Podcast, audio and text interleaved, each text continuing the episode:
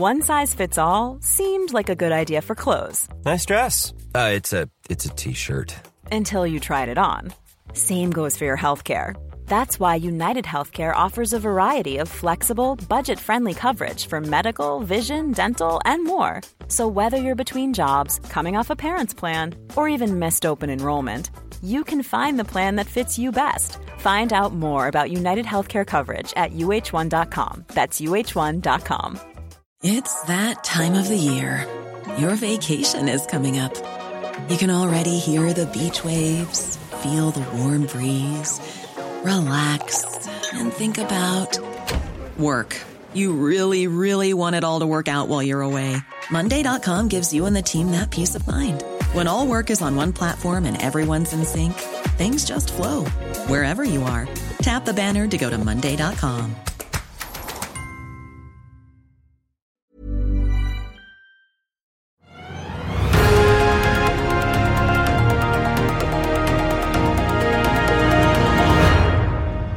Hei, mitt navn er Marius Lorentzen, og velkommen til denne helgeepisoden av Økonominyhetene, der vi presenterer et utvalgt intervju fra uken som har gått. Hverdagene kan jo være hektiske, og det er ikke lett å få med seg alt som skjer.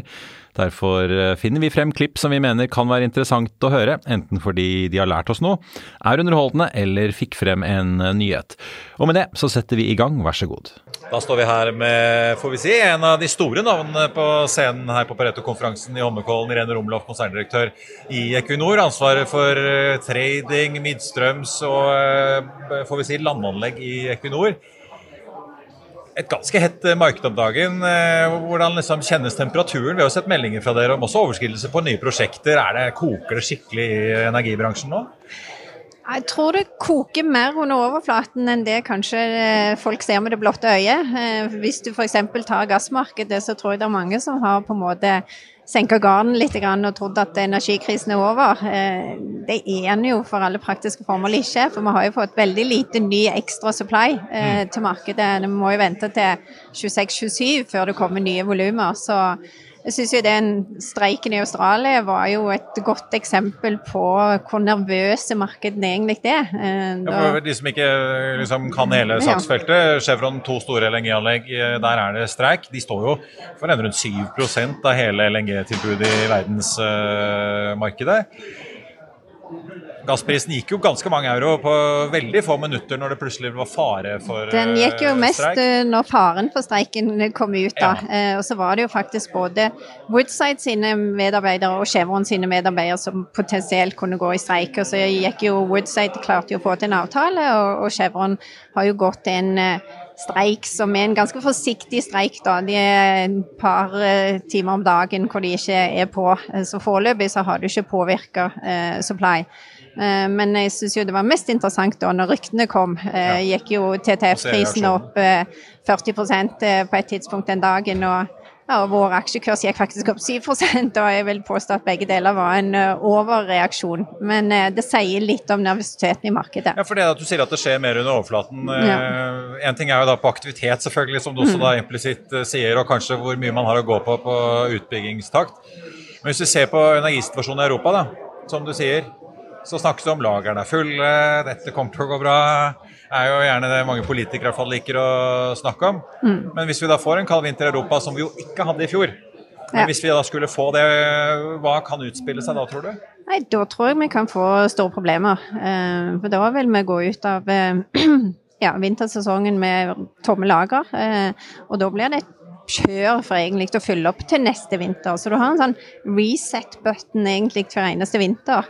Eh, Så blir det kaldt, så blir det tøft i markedet. Er det mildt og til dels normalt, så kommer vi til å muddle through, tror jeg, på samme måte som vi har gjort i ja, de siste seks månedene eller noe sånt. Mm. Du sitter jo, eh, som folk kanskje skjønner, med ansvaret for tradingavdelingen i Equinor. Dere trader jo selvfølgelig LNG fra, fra Melkøya, olje og gass ut fra norsk eh, sokkel. eller jo også at handler i det åpne markedet. Men bare for å runde av det med Europa, da, hvis vi nå antar at Russland ikke kommer inn med noen gassvolumer i overskuelig fremtid, eh, når er det Europa får et eh, reelt sett et eh, litt pusterom og litt mer eh, robusthet i energileveransene? Er det når mange av disse nye LNG-prosjektene kommer inn de neste par-tre årene, at man får en økt tilbudsside, eller er det noe annet man må gå og vente på for å få en reell lettelse i det underliggende trykket? Du er god på dette her. Du gir meg omtrent svar. Nei, men du har veldig rett, eh, egentlig. Jeg tror vi må vente til vi kommer ut i 26-27. Da kommer det et eh, røys egentlig med nye LNG-supply eh, på markedet. Det kommer fra Qatar, og det kommer fra USA. Først da så vil jeg påstå at det begynner å bli litt sånn eh, robusthet i eh, Eh, ja, globale LNG-balansene. Så inntil den tid så, så, tror jeg vi skal være forberedt på ganske så mye volatilitet. For skjer det et eller annet det Vi hadde jo en brann på Freeport LNG her for en stund siden. Og det var brann på Melkøya ja, brann, LNG-kapasitet. Så, så, den type ting vil uh, gi store utslag. Så det er ingen nye store prosjekter i Europa, altså enten fra Norge eller andre steder, eller for så vidt fornybarutbygginger som kan uh, komme inn og gi oss litt mer alburom av betydning? da? Nei, vi har veldig god kontroll på liksom ny gassupply som kommer til markedet. Uh, for det er jo typisk en Fra investeringsbeslutningen blir tatt til det kommer i produksjon, så er det jo typisk fire til fem år. Så, så det har vi ganske god kontroll på. Det vi er litt mer usikre på, det er jo etterspørselsresponsen. Eh, og um, jeg skal være så ærlig å si at eh, vi var litt overraska at ikke etterspørselen har kommet opp nå når eh, prisene har vært stabile, ja. i alle fall i en periode. Rundt 70 men vi snuser jo, eller folk tror i hvert fall at vi snuser på 100 dollar. Vi har sett vi krøper stadig oppover mot 95 på nordsjøoljen i hvert fall. Ja, nå er det på olje nå. Ja, ja på olje. Ja, ja. Du snakker om gass. Jeg snakket om, ja. fortsatt om, om gass, jeg. Men at vi ikke hadde sett at etterspørselen på gass hadde kommet opp igjen etter en periode periode med relativt stabile gasspriser. Ligger på 30-tallet eh, på euro, i hvert fall på den utenlandske mm. TTF-prisen. Men er det tegn på at europeisk industri ikke har gjenåpnet igjen? Det er jo mye kapasitet der jeg som har stengt ned. Jeg tror det er en, et tegn på at uh, det er en legg. Og jeg tror at industrielle aktører må se en forlenget periode med relativt stabile, lave priser før de igjen åpner uh, f.eks. en gjødselfabrikk eller en aluminiumsverk, ja, aluminiumsverk eller hva det måtte være. Mm. Tror du vi når 100 dollar fatet nå, da? Ja, eh, vi kan fort se 100 dollar hvis eh, Saudi-Arabia opprettholder de kuttene, tenker jeg. Mm. Det andre jeg vil snakke med deg om, er eh, karbonfangst. For dere har jobbet med dette lenge ut som, med Norge som base, da, for å bruke norsk sokkel som et lager mm. for CO2. Northern Lights er jo et stort prosjekt mange planer om å få masse CO2 inn fra europeisk industri for å bli lagret i Norge. Men her om dagen så kom dere med melding om at dere nå har kjøpt dere inn i et samarbeid med Talos og ikke minst Chevron i, utenfor kysten av Texas. Bayou Bend. Eh, dere skriver at det kan lagre inntil en milliard tonn CO2, så det er jo svære greier, dette her. Men vi har jo sett både Chevron, også Exxon og de amerikanske selskapene virkelig skru opp satsingen på CO2-fangst. Fortell litt om det, det inntoget dere gjør her nå for første gang på amerikansk karbonfangst. Nei, Vi har jo hatt en stor butikk i USA i mange år, både for fornybart olje og gass. Og vi har jo fulgt eh, utviklingen på CO2. Eh, ja, mulighetene i, i en lengre periode. Og så kom jo IRA, da, Inflation Reduction Act, med vanvittig gode insentiver ja. eh, for det. Så det, det, får faktisk en eh, skattekreditt på 85 eh, US dollar per eh, millioner tonn. Eh, nei, per tonn, beklager. Eh, og det vil si at hvis vi klarer å lagre, altså fange og lagre dette for mindre enn 85 eh, US dollar, da, så vil det lønne seg for industrielle aktører å eh, lagre istedenfor å, å slippe ut. Så eh, med IRA så kom det en veldig interesse fra industrien, og eh, vi valgte da å ta et eh, aktivt steg inn for å være en del av de forretningsmulighetene. Og så som du sier, så er, har vi ikke like god kontroll på geologien som vi har i, i Norge, så vi valgte å, å, gå inn med en av de store, Chevron, som du som rett nevnte. Både de og Exxon har jo nå steppa opp virkelig. Ja. De er lommekjent, og, og de har steppa opp og har virkelig tro på at eh, CO2-lagring blir en eh, forretningsmulighet. Dere er jo ikke så åpne med tallene ennå, det er sikkert tidlig i prosessen, eh, men likevel.